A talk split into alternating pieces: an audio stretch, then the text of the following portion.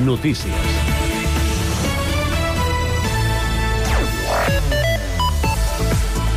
Salutacions. Sant Cugat vol avançar cap a una educació més equitativa i amb menys segregació escolar.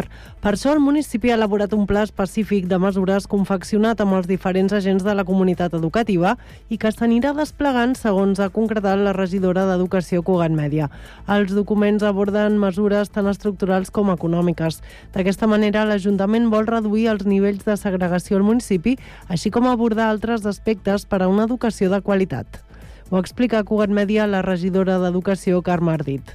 Que estem treballant en concretar aquest pla amb una calendarització i una priorització per poder fer més una presentació, perquè ara són mesures propostes de mesures i veurem doncs, quines es poden fer, si totes o no, i quan. Val? I després hi ha un altre aspecte que és el tema de la gestió de matrícula viva. Totes les persones menstruants podran recollir a les farmàcies una copa menstrual, unes calces menstruals o dues compreses de tela a partir d'aquest dilluns, segons ha avançat el portal 324.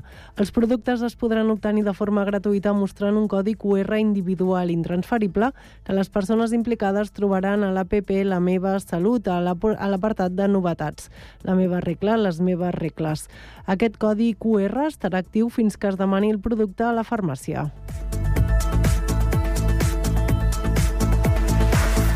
El PSC porta al ple la proposta d'ampliació d'un grup d'I2 a l'Escola Bressol de Valldoreix. La formació considera que la demanda està justificada a causa de la insuficiència de places d'escoles Bressol i l'augment de les sol·licituds per la gratuïtat de l'I2. Els socialistes creuen convenient fer aquesta aposta atenent que l'Escola Bressol del territori disposa d'espai per acollir un grup de 20 infants dins dels límits de 100 del centre educatiu.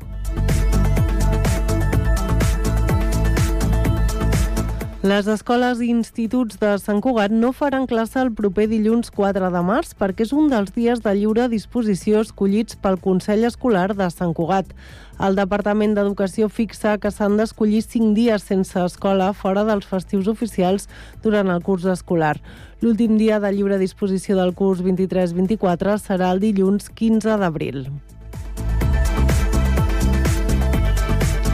I amb aquest apunt informatiu acabem per ara. Trobareu més notícies a Cugat.cat. Moltes gràcies.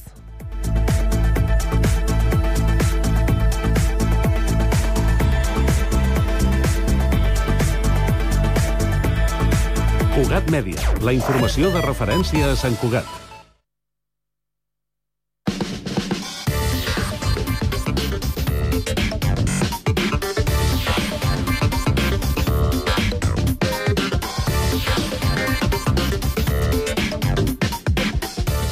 La tarda, 3 minuts, inici de la segona i última hora del Connectats d'aquest divendres. Anem amb la informació de servei. Comencem pel trànsit. Eduard Sánchez, bona tarda. Hola, bona tarda. Doncs, de moment, sobretot en el cas de la mobilitat, tenim l'autopista AP7 en diferents trams amb lentitud o aturades eh, intermitents. En el cas, per exemple, de Martorell eh, i fins a pràcticament Gelida hi ha lentitud amb aturades en aquesta autopista en sentit eh, sud. A més, més avall entre Sant Sadurní i Subirats hi ha també trànsit lent, aturades per un camió accidentat que està ocupant un carril, tot això en sentit eh, Tarragona. Hi ha però també aturades en sentit nord a l'altura d'aquesta llet i la Gornal, hi ha un camió accidentat d'aquest eh, matí pendent de, de retirar. A més a més, recordem també que queden eh, diferents vies afectades per les mobilitzacions dels eh, pagesos a, a la marcació de Lleida, l'autovia 2 es manté tallada a Tàrrega i la C14 a Pons i en el cas de Girona, recordem ja per tasques de neteja de la via, queden encara tallades la AP7 entre Borrassà i Vilademuls i la Nacional 2 entre Bàscara i Vilamalla. És tot, bona tarda. Gràcies i bona tarda, Eduard. Anem ara al Transmet per saber com està funcionant el transport públic. Albert Garran, bona tarda. Què tal? Bona tarda. Doncs avui divendres, eh, dia 1 de març, en aquests moments destaquem afectacions a la línia R2 Sud on se circula per via única entre Vilanova i Sitges per una incidència en un tren. Fins al moment, a la resta de la xarxa sí que parlem de normalitat. Finalment, també avui ja s'ha acabat el mobile, així que tots els serveis habilitats expressament, tant ferroviaris com de bus, tornen als seus horaris habituals. Ara sí, de moment això és tot des del Transmet. Bona tarda.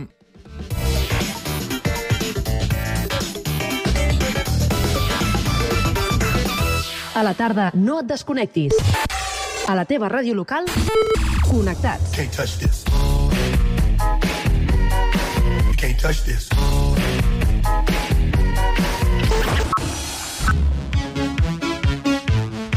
Can't touch this. Can't touch this. Connectats amb Carme Rebell.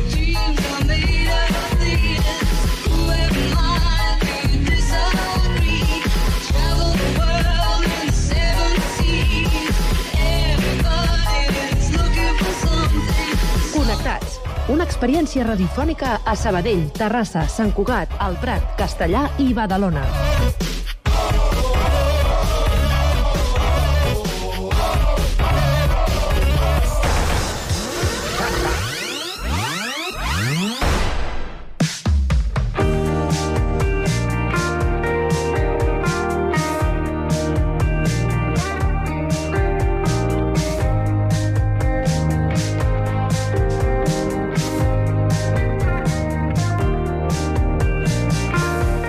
La música és la seva passió i s'hi dedica des de diversos vessants, tocant-la, component-la i també ensenyant-la. Va, deixar, va, néixer, va néixer a París, però la seva vida ha transcorregut entre Perpinyà i ara ja fa molts anys Terrassa. Avui al Connectats en sabrem més sobre la Núria Jauen. Molt bona tarda, Núria. Hola, bona tarda. També contem amb el nostre company Sergi Estapé. Sergi, bona tarda. Hola, què tal? Bona tarda. Bé, doncs eh, avui descobrirem eh, qui és la, la Núria, que ara ho hem d'explicar. Vas néixer a París, però mm, vas estar molt poquet a la capital francesa, oi, Núria? Sí, sí, sí, molt poquet, però, però la tinc molt present sempre des de molt, molt petiteta. Eh, tinc la meva àvia aquí allà a París, vivint mm. sola, durant els seus 96 anys, i vaig, i vaig de tant en tant, o sigui que la tinc ahir molt present. I vas ser a Perpinyà on et vas iniciar en la música? Eh, sí, sí, sí, va ser a Perpinyà, al Conservatori de Música de Perpinyà, de Música i Dansa, i vaig, vaig estar bastants anys ja allà i molt, molt contenta, la veritat. Uh -huh. I com es produeix a, a, aquest a, trasllat de París a, a Perpinyà? No, aviam, el meu pare treballava allà en, en una empresa d'electricitat de, i el van, el van demanar, la meva mare és d'aquí, de, de Catalunya, i, i, i doncs va, va demanar el canvi per apropar-se no, a Catalunya, i, i, i doncs ja, en un mes ja, ja estava a Perpinyà. Uh -huh. I sembla que eh, això de, de, de, de la creació, de la creativitat, eh, tot el que està relacionat amb, amb l'art, d'alguna manera, això mm, ho portes eh, molt a dins, no? També t'agrada dibuixar. Sí, sí, sí, de petita ja m'agradava dibuixar, però no, no vaig tampoc... O sigui, estava més, més dins de la música i això, i, i és el que vaig explorar més. La meva mare era professora de, de català i castellà i també el tema de la docència ho tenia molt a casa i ho vivia, ho, ho veia i algunes vegades m'havia portat a les seves classes i això i, i doncs també ho tenia bastant com vist. Mm -hmm. Hola, Núria, què tal? Hola, Sergi. Què tal? Escolta'm una cosa. Um, quan arriba un moment que, que agafes les maletes i te'n vas a Terrassa. Quan, quan ho decideixes i, i per quin motiu? Eh, doncs jo estava estudiant a l'escola, a l'ESMUC, a l'Escola Superior de Música de, de Catalunya, a Barcelona, amb clavicèmbal, i el segon any de, de, dels meus estudis, el primer any ja treballava de, com a professora de piano a una escola de música de, de Barcelona, i el segon any, doncs, eh, vaig conèixer el meu, el que és ara el meu, el meu director eh, amb una, una botiga que tenia a Barcelona d'instruments i que tenia davant de les MUC, justament. I el vaig conèixer, eh, em va comentar que tenia una escola de música i doncs, eh, eh, eh, uns mesos després em vaig quedar sense feina i, i vaig enviar el currículum i, vaig, i em vaig començar doncs, anar al, a treballar al SEM i, i mira, aquí em vaig quedar. Sí, sí, i vaig decidir viure a Terrassa després de tres anys d'agafar el tren cada dia, vaig dir, i m'agradava la, la ciutat de Terrassa més i això, i doncs mira, i aquí em vaig quedar. Mm, expliquem que el CMS, el Centre d'Estudis Musicals, és una de les escoles doncs, bueno, ja de, de fa molt temps que està aquí a Terrassa, on uh, Sí. vas començar de seguida, no? Vas, vas començar de seguida a fer classes quan estaves formant-te, no? Sí, sí, sí. De estudiar, o sigui, jo ja feia anys que, que estava estudiant, ja tenia una edat quan vaig fer els estudis superiors de clavicèmbal, però, però mm, sí, sí, estudiava i treballava. Al matí estudiava i a la tarda ja anava a Terrassa no? a fer les classes i és una cosa que em vaig sentir molt acollida allà i em, em va agradar molt el sistema que tenien també, eh, pedagògic, i em, en seguida em vaig eh, sentir com acollida tant per la ciutat de Terrassa com per l'Escola de Música. Mm, et vas especialitzar en música antiga, no? Sí, sí, sí, sí, sí. I per què? Què és el que t'agradava més de la música antiga? No, mira, jo amb, amb, amb 19 anys vaig, tenir, vaig patir un, una mica problemes de tendinitis i el professor de piano, a mi m'encantava el piano, vaig estar un any sense tocar piano i, i, i la veritat que va ser molt dur. I, I la professora de piano em va aconsellar, dir, mira, eh, prova el clavicèmbal, ja, pues, no hi ha tant, diguem que no has de fer tant esforç físic amb els dits i això, no necessites, no necessites tanta força, i vaig començar i realment és que em va encantar i em vaig quedar com molt eh, eh, enamorada d'aquesta música i de l'ambient que hi havia, de, una mica com en el jazz, no? que som una, una mica com a part. És una música una mica a part i un sistema a part, no? De que no hi ha competició, tanta competició, diguem, i competència, i és un altre món. Sigui que em vaig quedar bastant... Eh, M'ha agradat molt, realment, sí, sí. Després vaig tornar al piano, igualment, que avui dia vaig tornar a tocar el piano i a fer classes d'això, però, però sí que vaig fer aquesta incursió, música antiga.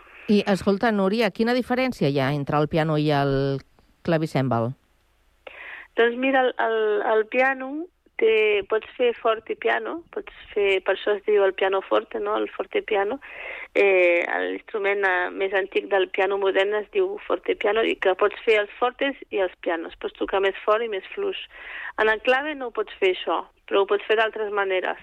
Eh, no té pedals, en el piano hi ha, un, hi ha pedals, Mm. en la clave no, i les tecles estan com al revés, els colors, vale? però realment és el piano que està al revés, perquè el clave va abans, ve abans. I mm, és un instrument de l'època dels reis, d'aquesta època, eh, el, rei, el rei Louis XIV i tot això, i es va com... Eh, es va oblidar bastant de temps, es va quedar oblidat perquè amb la Revolució Francesa van dir que aquest instrument estava massa relacionat amb el rei i van dir, ui, eh, l'hem de, l'hem de treure d'aquí, no? I, i, I és una pena, realment. Però després al segle XX hi va haver uns quants eh, perso persones, personatges així de la música clàssica que van fer reviure una mica el clavicèmbal i això, i Mm. va, va tornar. Vaja. Sí, sí, té tota una Doncs història i... O sigui que, que No, no, el van arraconar una mica, no? Perdó. Més que res Sí, per sí, la... sí, perquè estava relacionat Clar, amb sí, el sí. rei. Sí, sí, sí, sí. Sí, sí, s'entén perfectament. No convenia, bueno, perquè no convenia. en aquella... no. Sí, disculpa, en aquella època, a barroca, Mm. hi ha aquesta música com més d'església o més clàssica, d'aquesta que, eh, clar, era més tocada per la gent que tenia més diners, que tenia sobretot una classe, eh, que era bueno, la, la reialesa, i després eh, la, diguem que estava molt relacionada amb el rei, per què? Perquè, clar, era la música eh, que es tocava, o sigui, el rei en aquella època més era ballarí, era músic, vull dir, tot això, la música estava dins, no?, de tot aquest, el reialme, no? I la, la música popular era una mica, potser una mica com un altre... mm, era un altre... O sigui, era un altre món. Eh, no era exactament la música com la, la coneixem, barroca, és que és complicat. És com, era com la cançó popular catalana ara. Sigui, Mhm. era, als carrers es cantava i es tocava també, però igual amb altres instruments. El clave no, perquè el clave era com més una, un instrument gran i una mica feixuc, no?, que estava, i més car, i doncs que estava, pues això, uh, on estava el rei, on estaven els nobles, i, i Sí, això. sí, sí, s'entén. Sí, o, o no estaria jo. ja, ja. Bueno, i jo justament hi ha moments ni que vaig voler fer jams de, de, de, amb en clave, justament tenia la idea això, eh, de muntar jams com el del jazz, però de música barroca, perquè realment és superinteressant. Oh, i tant. Sí, parlant de música barroca, eh, podem dir que la Núria, com tant el seu vessant de cantant i compositora, que és l'altre, no? És a dir, una, per una Sí. banda fas de docent, l'altra és aquest. Estàs en tres projectes i un és- un d'ells és de música barroca. Explica'ns quins són aquests tres projectes. Jo no sé d'on treus el temps, però tens tres projectes, dones classe i, i a més a Sí, més, sí, sí. cantes... comp- Qui- Quins són aquests tres projectes? Explica'ns-els. Sí, realment... Eh, eh, doncs tinc un duet de, que es diu Duet Zaro amb un company de la feina del SEM, justament el Santiago, eh, amb qui estic di- gaudint molt perquè feia anys que ho tenia pendent de, de tornar a, a tocar el piano amb, amb un, un projecte així de música clàssica i això. I doncs ell toca la viola, la viola i, i fem, fem així com un repertori més tipus de segle XIX, així romàntic, que a mi m'encanta. Jo tocava molt Rachmaninoff amb el piano i m'agradava molt. Brahms també. I doncs això, fem, fem alguns compositors també, eh, tipus Glazunov, eh, Schubert, eh, i estem, estem així muntant ara, muntant repertori, més que res. I després ten, tinc un altre projecte de música antiga, que és l'ensemble Solaja, que és amb, eh, amb el, el, el violinista de Gypsy Nus, també en el projecte de cançó francesa, eh, i, i amb un, un, violin, un violoncel·lista també molt bo, eh, barroc, i doncs amb aquest projecte també eh, proposem una, és una proposta més, això, eh, música antiga i amb instruments eh, històrics. Que... Això. Què, com t'has quedat, Però Sergi? tu- T'has t'has No, quedat, quedat sense paraules, clar, eh? el- No, el problema és, és que, aviam... mm, Bueno, jo no sé com... Suposo que ella és, que és música, i músic, vamos, ella em va dir músic, eh? això de música, no músic. Ah, ah, clar, perquè, clar, tres estils diferents, no? És a dir que, eh, bueno, suposo que això vol dir que t'agrada una mica de tot, no, Núria? Sí, sí, sí, des de petita escoltava els Beatles a casa, teníem, escoltàvem el Xesco Bosch, eh, el, bueno, Lluís Llach, eh, bueno, tots, eh, tot de gent molt diferent. El meu pare, pel part del meu pare tinc també, eh, com es diu, eh, eh, de part de la meva àvia són bretons, i doncs la Bretanya francesa m'agrada molt, també la música celta m'agrada molt, és, és això, que vull dir que hi ha moltes... Sí, escoltava moltes coses diferents, ja. També, sí, sí. De I fet, de que havies- també dir que els projectes en tinc molts, sí, però mm, no ens flipem, que no, no, o sigui, no estic fent concerts a dojo, no, estic fent poquets, ara mateix perquè costa també de vegades a trobar concerts, encara que tinguis un projecte ja, vull dir, format i el repertori ja fet i tal, costa una mica a vegades de trobar... O sigui, estem... Si, algú està interessat, si plau, truquem-nos que volem tocar. Mira que bé. I l'altra cosa és que tinc dos nens petits de, de dos i quatre anys i que la, la meva... Per mi és, és el, la part gra- gran de la meva vida, és la més bonica.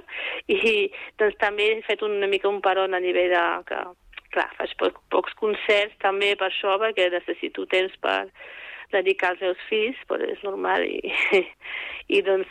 Arriba, arriba el moment que llavors, llavors vols sortir de casa per, per, perquè, clar, quan ja són una mica adolescents ja, ja aquest, canvia tot, eh? però bueno, és igual, ja, ja t'ho trobaràs. Escolta'm una cosa, Sí, també sí, havies sí, tocat amb, amb un grup amb un grup d'indi, no? Amb, que es deia un grup d'aquí de Terrassa, sí. l'exèrcit d'Islàndia, Sí, no? Vull sí, dir que sí. també has tocat més Sí. pals, no? Sí, sí, sí, vaig fer veus i, i teclats i, i també de rock progressiu amb el Faro d'Alquímia, de, que és un grup que, també d'aquí a Terrassa, i vas, vas donar compte que a Terrassa hi ha, molta, hi ha molts músics, eh? hi ha molta cultura musical i molta moguda amb això. Eh? O sigui, I el que m'agrada a Terrassa és que en seguida et coneixes la gent important pel que... O sigui, en seguida coneixes... És una ciutat una mica més petita, clar, que Barcelona, i doncs en seguida pots fer com, coneixences interessants i això, i és més fàcil, no?, de fer-les. I, I crec que és una ciutat interessant. Sí, sí. Mm -hmm. fora, fora de la música m'han dit que t'agrada molt cuinar, no? Bueno, sí, sí. m'han preguntat aficions i sí que és veritat que puc dir que, que ara no... Tampoc ho- ni puc tocar tot el que voldria ni puc cuinar tot el que voldria, no? Però... pels nens, eh? Però sí que, sí que m'agrada. M'agrada cuinar i, i cuinar eh, amb tranquil·litat i amb el sol que entra per la finestra. I, I Núria, d'aquesta amb manera. aquesta influència francesa, què és el que cuines? Ah, bueno, et pensis, eh? Perquè Perpinyà és Catalunya Nord. No Mhm. està tan lluny, de, allunyat de, de la cuina mediterrània i això, vull dir, estem en el mateix més o menys, però sí que sí hi ha cosetes que... que inclús el cuscús, eh, que és més També. una tradició marroquí, Sí. que vaig, vaig també aprendre això i m'agrada, i sí, coses amb nata, cuina més amb nata, no? Amb, amb, el conill amb nata en lloc de... Així. Però, bueno, moltes coses estan molt, són molt semblants, eh? Sí. Sergi.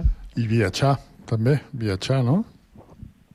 Sí, sí, sí, m'agradaria viatjar més, però sí, tinc molt pendent molts viatges, per més que rep els estudis també i la feina, que he tingut sempre bastant...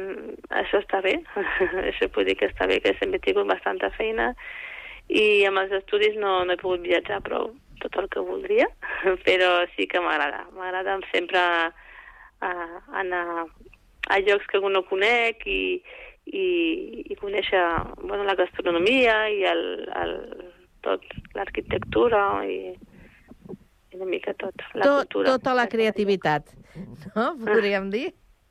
Bueno, sí, és veritat. Sí, sí.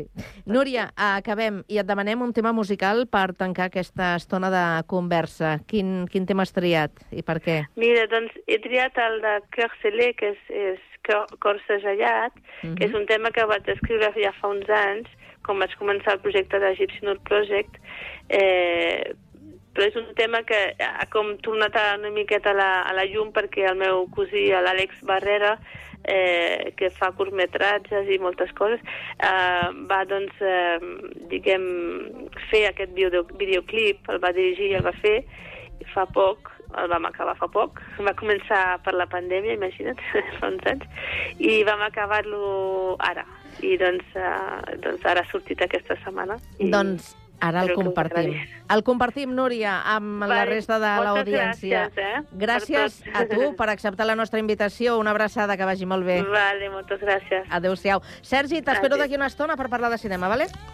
Parlarem de cinema, sí senyor. Ok, vinga, fins aquí una estona. Fins ara. S'il n'y a pas de place pour le drame, je vais tout oublier, tout effacer. Et si le souvenir rima avec passé.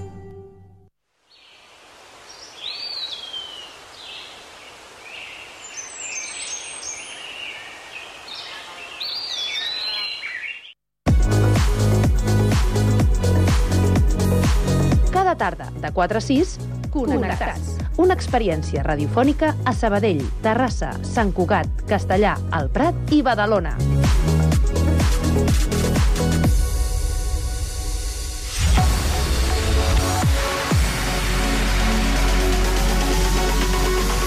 Connectats a les xarxes. Temps ara al Connectats per saber què és el que ha fet bullir les xarxes aquesta setmana. Ens ho explica la Sami Fernández. Bona tarda, Sami.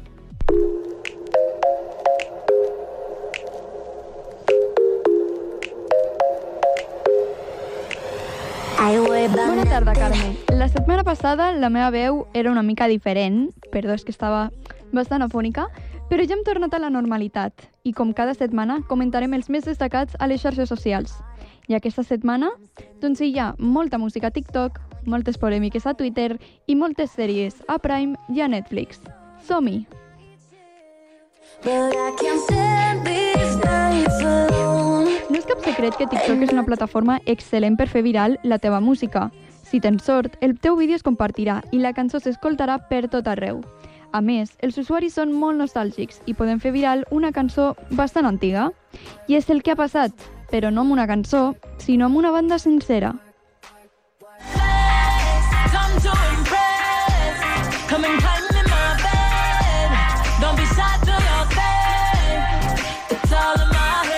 Les Fifth Harmony tornen a ser tendència.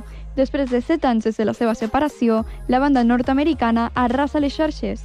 Els més fans estan penjant vídeos compartint els seus moments preferits de la banda, com alguns concerts que feien al principi.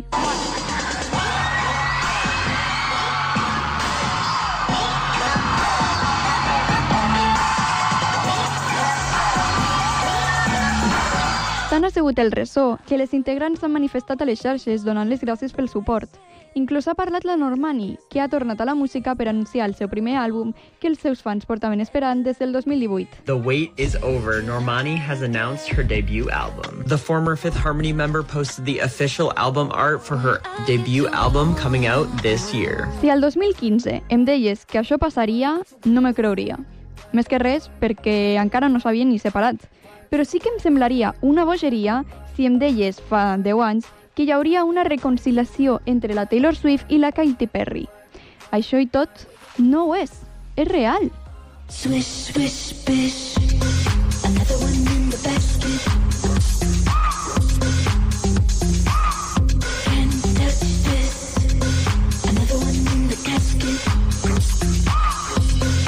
Feia quasi una dècada que estaven enemistades. Fins i tot la Taylor li va dedicar Bad Blood. No obstant això, la Kitty es trobava cantant aquesta mateixa cançó en un dels concerts de la Taylor.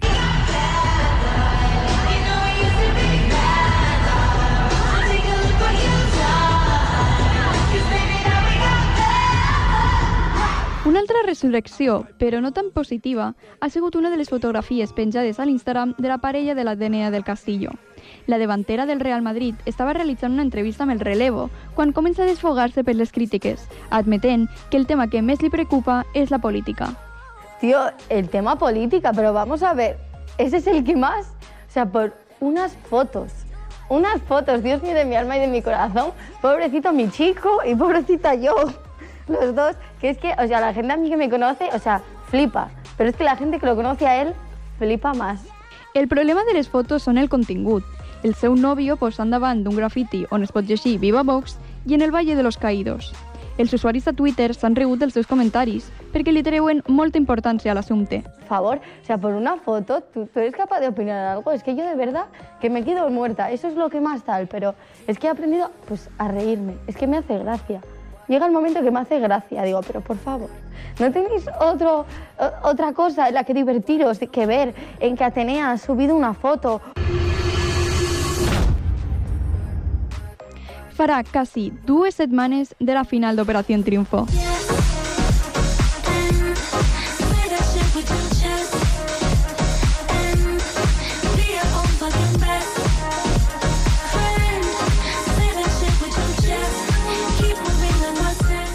Els concursants estan fent una gira per fer rodes de premsa. D'aquestes ha sortit una declaració de l'Omart, un dels primers expulsats, que ha portat molt a parlar a les xarxes. Ay, Dios, no sé, te juro que no sé qué te va a preguntar. ¿Ha habido sexo dentro de la academia? Sí.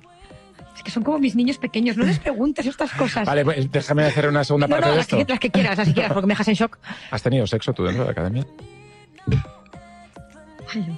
Paso palabra. Els usuaris es queixen que facin públiques les relacions sexuals que ha mantingut amb la seva parella, la Ruslana, finalista del programa.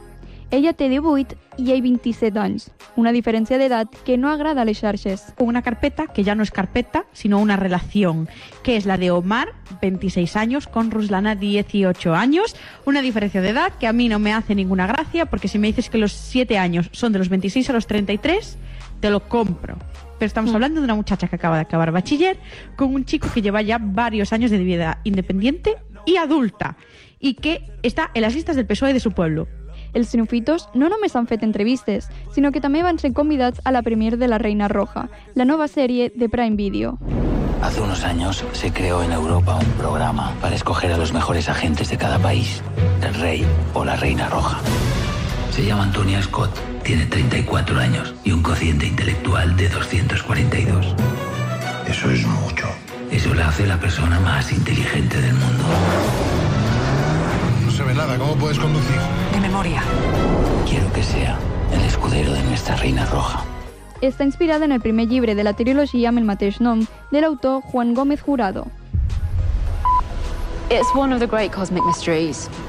how it is that someone can go from being a total stranger to being the most important person in your life.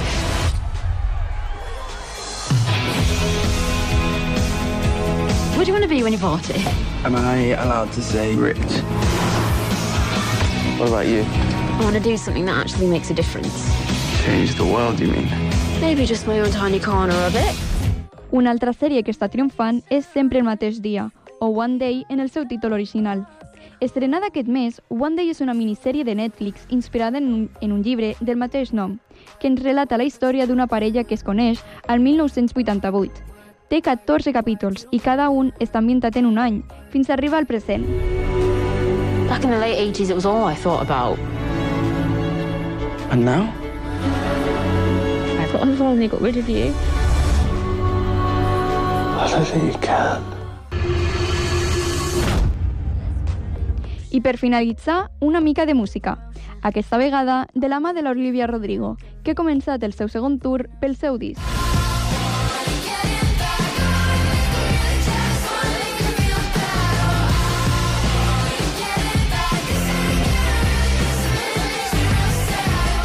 La cantant està fent per primera vegada una gira mundial que passa per Barcelona el 18 de juny. Farà un recorregut pels seus èxits, entre ells Driver's License, Deja Vu o Good For You. I amb aquesta cançó ens acomiadem. Fins aquí el Connectats a les xarxes de la setmana. Recordeu que teniu tot el cap de setmana per ficar-vos al dia amb les sèries i cercar entrades pel concert de l'Olivia. Ens escoltem a la següent.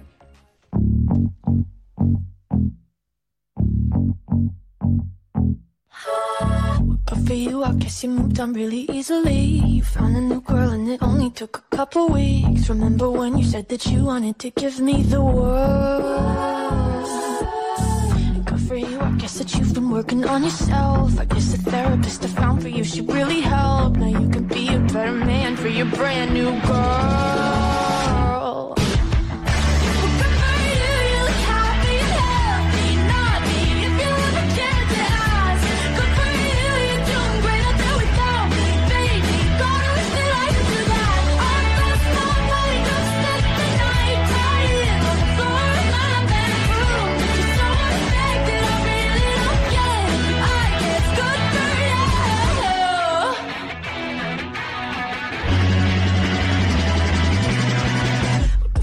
Guess you're getting everything you want. You bought a new car and your career's really taking off. It's like we never even happened, baby.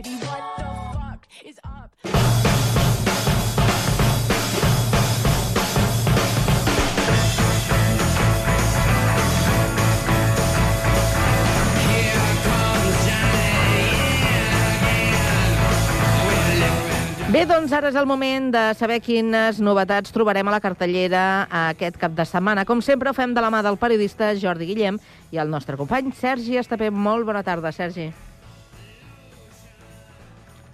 Bona tarda, com cada divendres a aquesta hora, toca cinema, toca parlar d'estrenes i com sempre ho fem amb el periodista de Diari de Terrassa i el nostre cinèfil particular, Jordi Guillem. Jordi, què tal? Bona tarda. Què tal? Bona tarda. Com Comencem? estem? Vinga, endavant.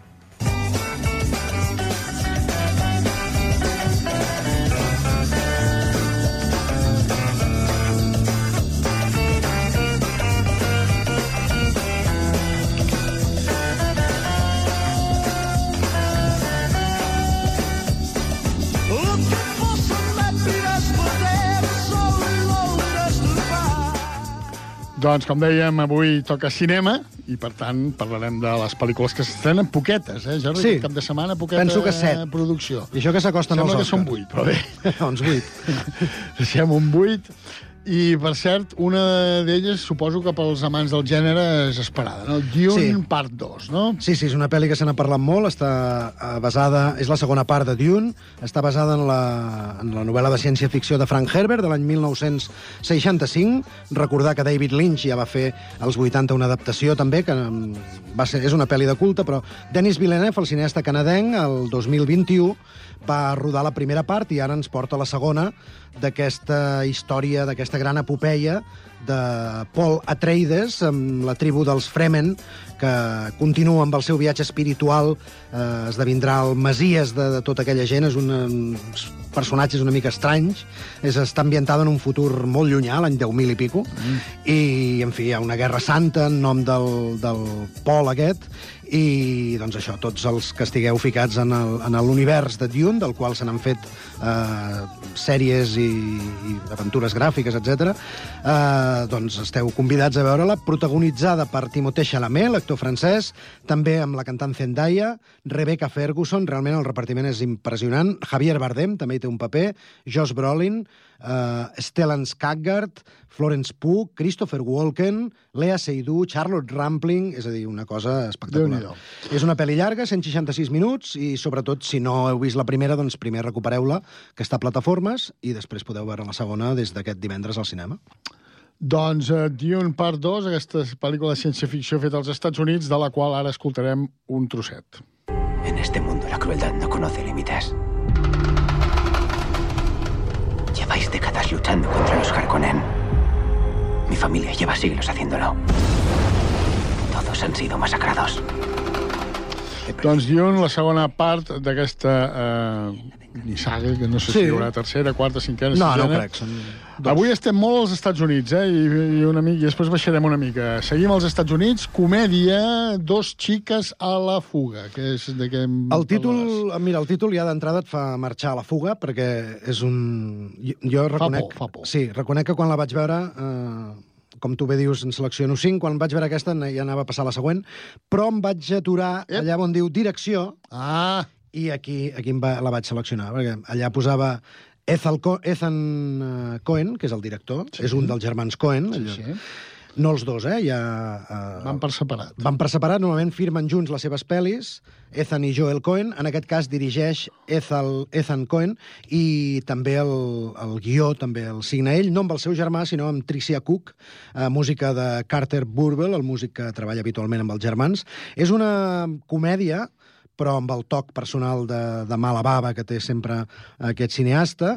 És una road movie, de fet, és la història d'una noia que li agrada molt la festa, que se'n va de Filadèlfia cap a Miami amb una amiga, que és més prudent que ella, i pel camí doncs, eh, van de bar en bar, de discoteca en discoteca, i entre d'altres obstacles es troben, aquí ja entra tot l'imaginari dels germans Cohen, eh, es troben, per exemple, un cap tallat, en una, en una botiga, una exnòvia que està amargada, un malatí misteriós que no saben què dur i un senador que, que és malvat, diguéssim.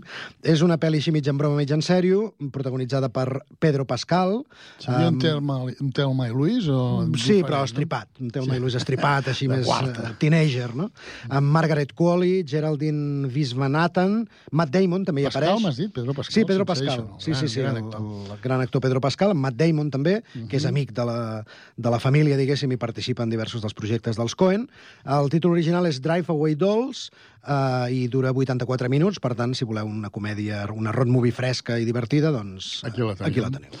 Molt bé, continuem als Estats Units. Ara toca una pel·lícula que diu que és una comèdia, mm -hmm. Dream Scenario, que eh, els que us agrada Nicolas Cage, tot i que surt bastant passadet ja. Sí, surt molt gran. Sí, sí. doncs és el protagonista. Mira, és una, és una comèdia de terror, la podríem definir així, perquè Ah. barreja els gèneres. Es va veure el passat Festival de Sitges. De fet, és la pel·li que va clausurar el festival. Uh, I és la història d'un eh, pare de família, Nicolas Cage, que, com dèiem, el veiem molt envellit, que s'adona que la seva vida comença a canviar quan milions de persones, milions d'estranys, el comencen a veure en els seus somnis somien amb ell. Ah. I que a partir d'aquesta premissa, interessant, veurem com es desenvolupa, doncs, eh, amb aquestes aparicions nocturnes, doncs es, la cosa es va girant cap a, cap a un malson i, i ell ha de, ha de començar a surfejar en, aquesta, en aquest nou estrellat, és com converteix en una persona cèlebre, famosa, per aquesta, per aquesta curiositat que la gent li dona per somiar amb ell. No? Eh, és una pel·lícula dirigida per eh, un cineasta no molt conegut, Christopher Borgel, i Nicolas Cage és el centre d'atenció. Nicolas Cage, eh, n'hem parlat alguna vegada, potser és la persona que més pel·lícules fa cada any, en deu fer entre 10 i 12. Eh, diuen que és per un problema que va tenir un problema econòmic i a partir d'aquí va començar a rodar de manera desesperada. En fa tantes que n'hi ha de bones i els... N'hi ha algunes de dolentes. N'hi ha algunes de dolentes, però diuen que aquesta és de les bones. Per tant, mm, Molt bé. veurem. Li donarem una oportunitat. Sí. Ara el que podem fer, és l'únic que podem fer, és escoltar una miqueta de- d'aquest... Dream Scenario. ¿Por qué las cebras tienen ese aspecto? ¿Eh? ¿Atendé? ¿Pasaba esto? No, era distinto. ¡Paul! Últimamente pienso mucho en ti. Sí. No dejas de salir en mis sueños. No haces nada, solo estás ahí. Tiene una pinta súper normal. Es un tío cualquiera. A mí también me ha pasado lo mismo. ¿Tienes una foto? Doncs Dream Scenario, aquesta pel·lícula els que us agrada Nicolas Cage i sembla ser que no està gens malament. Ara farem un exercici de, de regressió marxarem al passat i ens anirem a 1976 perquè eh, bueno, una Amb el DeLorean, no? Agafem el sí, DeLorean que m'has posat és Not a Pretty Picture de 1976, un drama fet als Estats Units. Sí. Per què s'estrena una pel·lícula de 1976? No s'havia fet abans? O és Bona un- pregunta. Un reestrena, No, no? és una reestrena. S'havia estrenat, però malament, suposo, a l'època. És una pel·li eh, de fa ja eh, 50 anys gairebé, eh, i dirigida per Marta Kutlaich, actriu i directora també.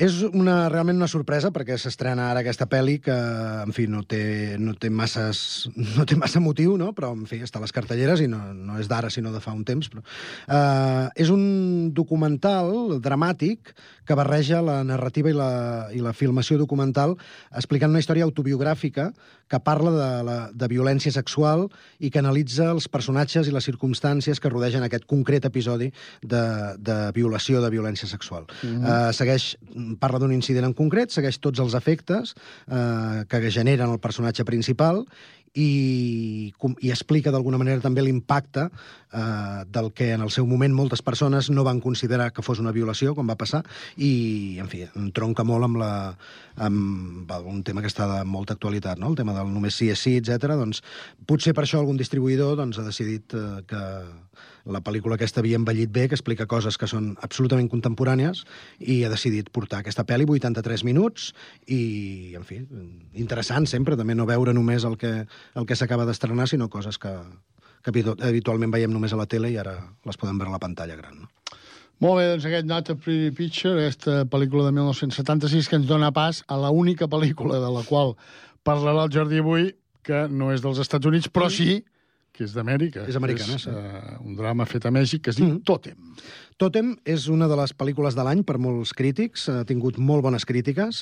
Eh, es va poder veure el- l'any passat, diguéssim, al Festival de Berlín, a la selecció oficial, no, no Mhm. Berlín del 24, eh, sinó el del 23. Sí, sí. Ha tingut premis del, als Spirit Awards, a l'Associació de Crítics Nord-Americans, i és, una, és la història d'una nena de 7 anys, que es diu Sol, que està a casa dels seus avis preparant una festa sorpresa pel seu pare. Eh, durant el dia, que és el moment que, que explica la pel·lícula, eh, el caos s'apodera mica en mica d'aquella família i els ciments mm, comencen a caure, tot comença a trontollar, i la nostra jove protagonista, la Sol, doncs eh, començarà a viure tot allò com un alliberament per la seva existència. És un drama familiar centrat en la infantesa. Últimament veiem moltes pel·lis d'aquestes que es fan des de la mirada del nen, de la nena en aquest Mhm. cas. La protagonista, que diuen que està eh, extraordinària, es diu Naima Senties, i la resta no són actors massa coneguts, són mexicans tots ells, Montserrat Marañón, Marisol Gasé, Teresa Sánchez, i la Lila Avilés, que fa amb aquest tòtem el, el seu, una de les seves grans pel·lícules, havia rodat ja alguna cosa, però cinema mexicà tampoc és una noia de 42 anys, per tant, de les últimes generacions. Eh, no és molt habitual que parlem de cinema mexicà, per tant, ens feia gràcia incloure'l. A més, aquesta setmana, com tu has dit, no era massa prolífica en títols. Doncs certament, és veritat, eh, només vuit eh, pel·lícules, aquestes cinc eh, que ens deia el Jordi, Guion part 2, Dos xiques a la fuga, Dream Scenario, Not a Pretty Picture i Totem, i també podeu veure, els que us agraden les pel·lícules d'animació, una feta a Rússia que es diu L'aventura infinita, un documental fet a Espanya que es diu Guadalupe, Madre de la Humanitat, i una comèdia feta a Egipte que es diu Abo Nassab, que deu ser curiós, no?, una comèdia Egípcia, sí, sí, perquè sí. no estem acostumats Cinematografia estranya. a aquests cinemes. Em volies parlar, em volies un, un, un rotllo aquí? No. Sí, no. Em volies parlar d'un tema, no? Va, vinga. Eh, El, una- tema, el tema lliure. Tema lliure, Ara vull dir, estàs al redacció, tema redacció. lliure. Jordi, va, vinga, feu tema lliure. De No, mira, va? tot això parteix de que hi ha molta gent que, que no té massa feina, sí. la qual cosa està bé, perquè llavors es poden dedicar a fer fils de Twitter i aquestes coses. Doncs, total, navegant per Twitter un dia, doncs De vaig... X, ara es diu X, X. perdó, navegant per X, eh, sona malament. Molt malament. De doncs va, formes, tu a Google poses Twitter... i encara surt l'ocellet. Sí. I No, va- un, un, un noi, un senyor que es va dedicar a, a fer un exercici d'això que es diu ara periodisme de dades, va agafar totes les grans plataformes eh, de, que, que ordenen les pel·lícules, no? com per exemple Film Affinity, eh, IMDb. IMDB, Green Tomatoes, no sé què, i va, va fer com una classificació, segons la puntuació que tenen aquestes pel·lis, va intentar descobrir quines eren les 100 millors pel·lícules de la història. Molts se li van tirar sobre perquè li van dir, home, hi ha moltes pel·lis nord-americanes, de fet crec que el 70% ho són, però això que és lliure, cadascú. Evidentment no us direm les 100, però sí que em feia gràcia doncs, recordar almenys les 10, les que acaben. Va, vinga. Mira, la desena, si tu tens alguna cosa a afegir mentre em dic Sí, alguna, sí, ho sí, dius. ja, i no, tant, ja- ja la desena és britànica, no és nord-americana, és britànica. Es diu 2001, una història a l'espai. Què et sembla aquesta bé, no? Va, Pel·lícula tampoc Stanley Kubrick. No seria la pel·lícula que triaria l'últim dia de la meva vida, però... La, la novena és uh, Los siete samurais, d'Akira Kurosawa, Mhm. Que va inspirar després els set magnífics, Set Magnífics, de l'any bueno, és una 54. pel·lícula, En aquest cas no és nord-americana, és a dir, més No, una és japonesa. britànica i una Japonesa. japonesa. Sí, sí, de tant, moment no n'hem trobat cap de nord-americana. eh? Uh, la tercera crec que sí que coincidirem, que mereix ser-hi, una pel·lícula de Francis Coppola de l'any 79, que es diu Apocalypse Now. Sí, senyor. Marlon Brando, que surt al final. La setena és una pel·lícula, per mi, de les millors d'Alfred Hitchcock, un dels meus cineastes preferits, de l'any 58, es diu Vértigo. Doncs aquí discrepem. No Sí? No t'agrada Vértigo? No he pogut mai... Jo és de les que he vist més vegades, No de he Hitchcock. acabat mai de... de no no m'acaba de convèncer. Soc, ja ho sé, sóc estrany, però me n'agraden altres. Quina seria la teva preferida? Potser El mestre. uh, Northwest by no, North by no- Northwest, no, con la muerte en los Con la muerte en talones. los talones potser Mhm. seria la meva preferida. Aquí també hi ha molt toc de comèdia, i això també és divertit. Sí. M'agrada molt, encara que ja sé que és menor, La ventana indiscreta. Sí, Psicosis, òbviament. Jo totes les que has dit eh, coincideixen. No m'acaba de... No et fa el pes. No em fa el pes. No sé Bueno. per què. eh? No, no. Mm. Seguim. El número 6, aquesta sí que et fa el pes, em sembla. El Padrino, parte 2, Francis Coppola, 1974. I m'alegro que... Bueno, al final... Ja, ja, ja sé per on va, sí. sí. Perquè al final, doncs... Eh... No, home, una gran pel·lícula, gran De Niro, gran eh, Al Pacino i altres secundaris, Robert Duvall, eh, la Talia Shire, que és la, la, és la germana del Coppola, no? Si no Mhm. m'equivoco. Familiar, sí. Molt bona, bona, molt, una gran pel·lícula. Millor que la primera? Aquest és un John dels debats. És que aquí anava, no? Jo m'alegro que estigui per sota... Bueno, és que clar, ara faig un spoiler. Bueno, home, és que qui no hagi vist el Padrino a aquestes alçades Està ja... per sota aquesta classificació del Padrino, mm. que per mi és millor que la segona, però en general, el sentiment general és que és millor la segona. Mm. La segona està molt bé, però la primera... O sigui, la segona està molt bé perquè fa una mica, fa un remember, no?, de quan el Vito Corleone és petit, i ta, ta, ta, ta, i això està molt bé. Però la trama general, és a dir, la trama del Pacino, que ja és el padrino, Miguel Corleone, m'agrada molt més a la 1. Té més força la primera. Per mi sí. Jo, jo també estaria, estaria d'acord. Ja veuràs que apareix, eh, el Padrino, Sí, sí, perquè ara anem a, la, a les cinc últimes. En la posició número 5 tornem a Hitchcock, amb una pel·li que hem comentat, de l'any 60, Psicosis. Molt havia, bona, havia sensacional. I aquí una altra que generarà debat, potser, però amb, amb, jo crec que justificadíssima, una pel·li de l'any 94 que va guanyar el Premi Millor Pel·lícula al Festival de Cannes, Pulp Fiction, de Quentin Tarantino. Totalment no sé si d'acord. estaria entre les 5 millors de la història. Però per bueno, aquí està. Uh, la tercera, una que acostuma a sortir a les travesses, és uh, la pel·lícula de Stanley Donen i Gene Kelly de l'any 52, Cantando bajo la lluvia. Res a dir, un musical, un Sí, clàssic. però no, no, per no. mi no, no pot estar entre les tres millors. No, és una pel·li eh? que va trencar molt, eh? Sí, el sí, sí, sí. Però I clar, la- això és opinió personal. La segona és una pel·li que normalment, quan es fan aquestes llistes, acostuma a estar la primera. Aquí està la segona. És Ciudadano Kane, d'Orson Welles, de l'any 1941. Tampoc per mi estaria entre les 5 millors. pel que va significar en aquella època... És que és molt subjectiu, això Sí, de sí. jutjar pel·lis. I la primera, per últim, la pel·lícula de l'any 1972, Francis Ford Coppola, El Padrino. Padrino Marlon Brando, per mi sí que és, per mi és la millor pel·lícula de la, De la història. Sí, tu Però bé, coincideixes amb aquesta llista. Sí, amb, amb la primera sí, doncs, doncs ja faríem, perquè clar, per exemple, Casablanca està a la 28. Sí. Jo crec que hauria d'estar una mica més amunt. Però bé, tot això, com deies, és opinió. I també depèn molt d'on posis la mirada, no? Exacte. molts cinemes eh, italià, Sens alemany, dubte, espanyol, exacte, etc. Sens dubte, el, el cinema, com tot, com la literatura, és, és qüestió de gustos. Exacte. No cal competir, no cal que no les és com pel·lis el futbol, competeixen. que has de ser del Barça. No, és, és broma, és broma. Uh, escolta'm una cosa, perquè vegis que no li tinc tant... No, li, no és que li tingui mania a vèrtigo, però sí que és una, una pel·lícula que no m'acaba de fer el pes. Marxarem amb la banda sonora original d'aquesta pel·lícula, Mhm. Que la va composar Bernard Herrmann. Sí, com sembla? moltes de, de les de Hitchcock. Magnífica. La banda Sembla bé sonora, que marxem? l'estem sentint, és sensacional. Doncs- Recordeu que la setmana que ve farem la prèvia dels Oscars, que són el dia 10. Val, ja, o sigui, ja, ja, ja decidit el que farem. Molt bé, doncs marxem amb aquesta uh, banda sonora original de la pel·lícula Vértigo d'Alfred Hitchcock que va fer, va composar, va compondre, perdó, Bernat Bernat, perdó. Bernat Herrmann. Bernat Herrmann, eh? Bon cap bé. de setmana, que sigueu feliços. Bon cinema.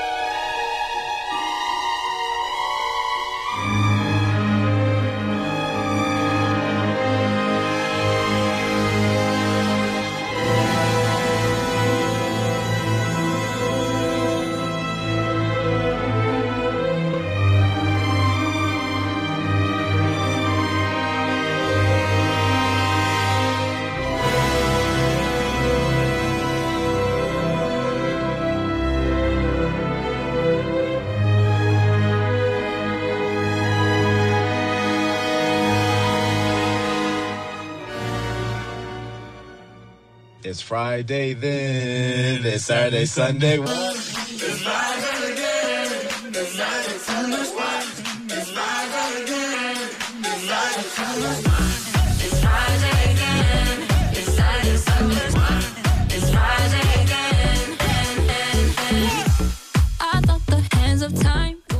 Marxar, com sempre, un repàs a les propostes eh, que us fem amb l'agenda del Connectats. I continuem eh, des de Terrassa. Sergi Estapé, quines són eh, les propostes de l'agenda per aquest cap de setmana?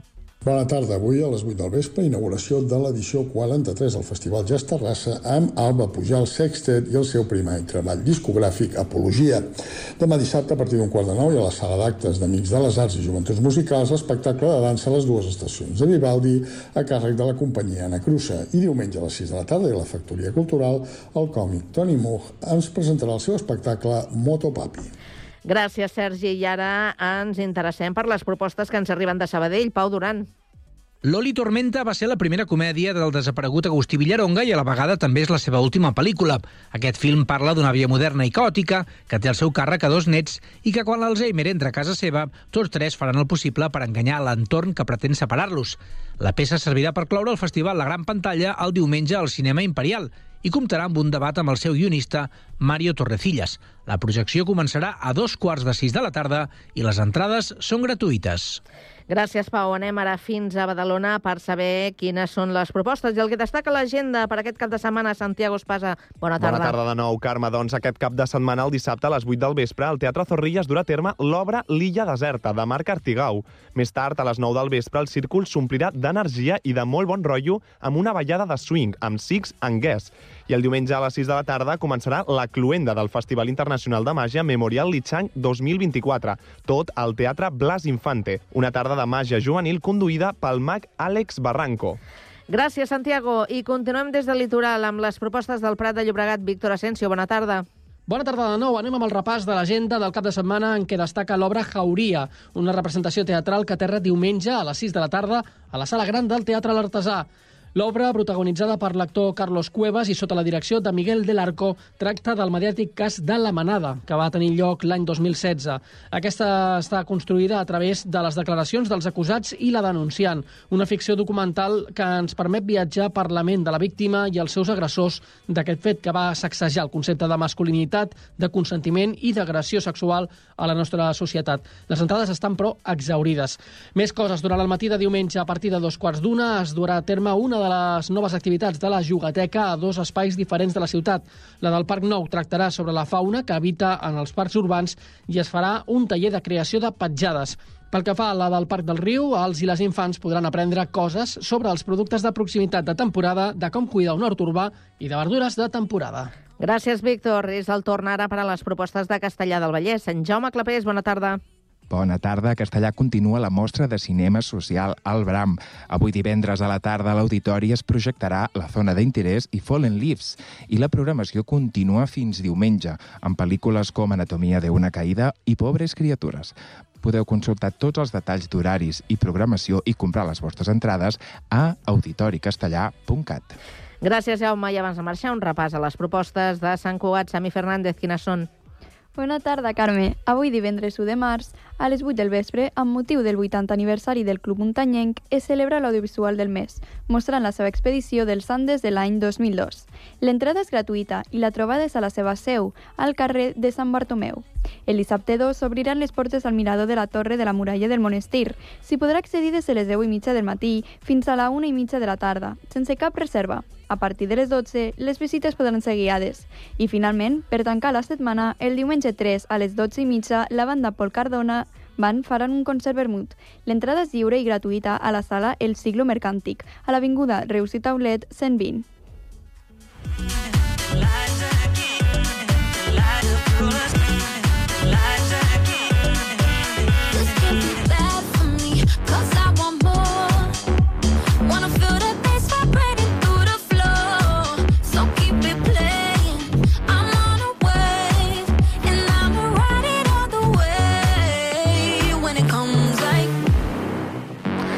Fins aquí arriba aquest Connectats de divendres. Eh, després del repàs de l'agenda, només afegir que Sant Cugat està de celebració precisament el 3 de març. La plec de Sant Madí arriba un any més a la ciutat. Recordem el copatró de Sant Cugat del Vallès i, per tant, Sant Cugat estarà de festa. Ho deixem aquí. Gràcies a tots per la confiança, per la companyia. Ja sabeu, dilluns més a partir de les 4 i 3 minuts. Que gaudiu del cap de setmana. Adéu-siau.